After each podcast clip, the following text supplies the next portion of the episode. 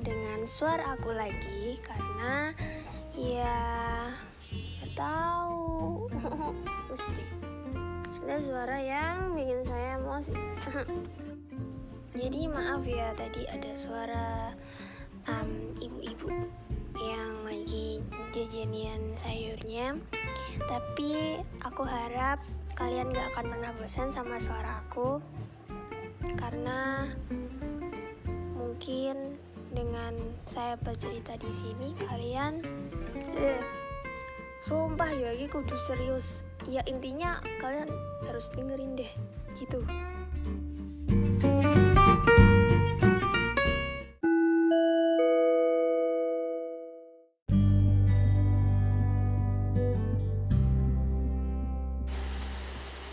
Manusia paling kecil Jangan tanyakan siapa sosok dari manusia ini. Dia kini sedang berteduh di samping halte, menunggu sebuah bus yang tidak tahu kapan datangnya. Dia tahu dia sudah terlambat 30 menit yang lalu dan masih bersikukuh. Manusia paling egois, tidak tahu diuntung. Padahal Tuhan telah memberikan kepadanya hal baik manusia yang paling tidak tahu rasa syukur.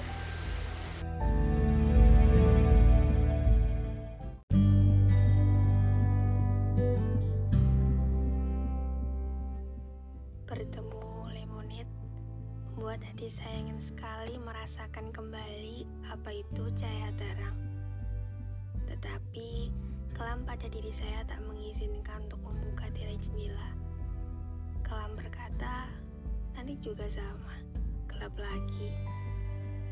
Seketika itu jiwa saya bimbang, otak selalu usik, mana yang saya pilih. Saya hanya ingin keluar bebas tanpa membawa rintikan hujan yang selalu menenggelamkan jiwa saya. Apa perlu saya memberi jeda lagi? Apa perlu saya menunggu bis lagi pada halte yang sama selama hujan deras? Saya ingin berani melewati hujan deras itu tanpa takut saya demam. Saya ingat ada payung dalam tas saya, tapi saya tak ingin menggunakannya. Payung abu-abu itu terlihat baik walau pegangannya yang sudah berkarat. Saya tetap menyimpannya dan tak ingin mengenakannya. Saya hanya ingin bebas tanpa takut saya demam. Hujan basah kuyup. Saya mencoba untuk itu, walau berakhir demam, pasti saya sembuh.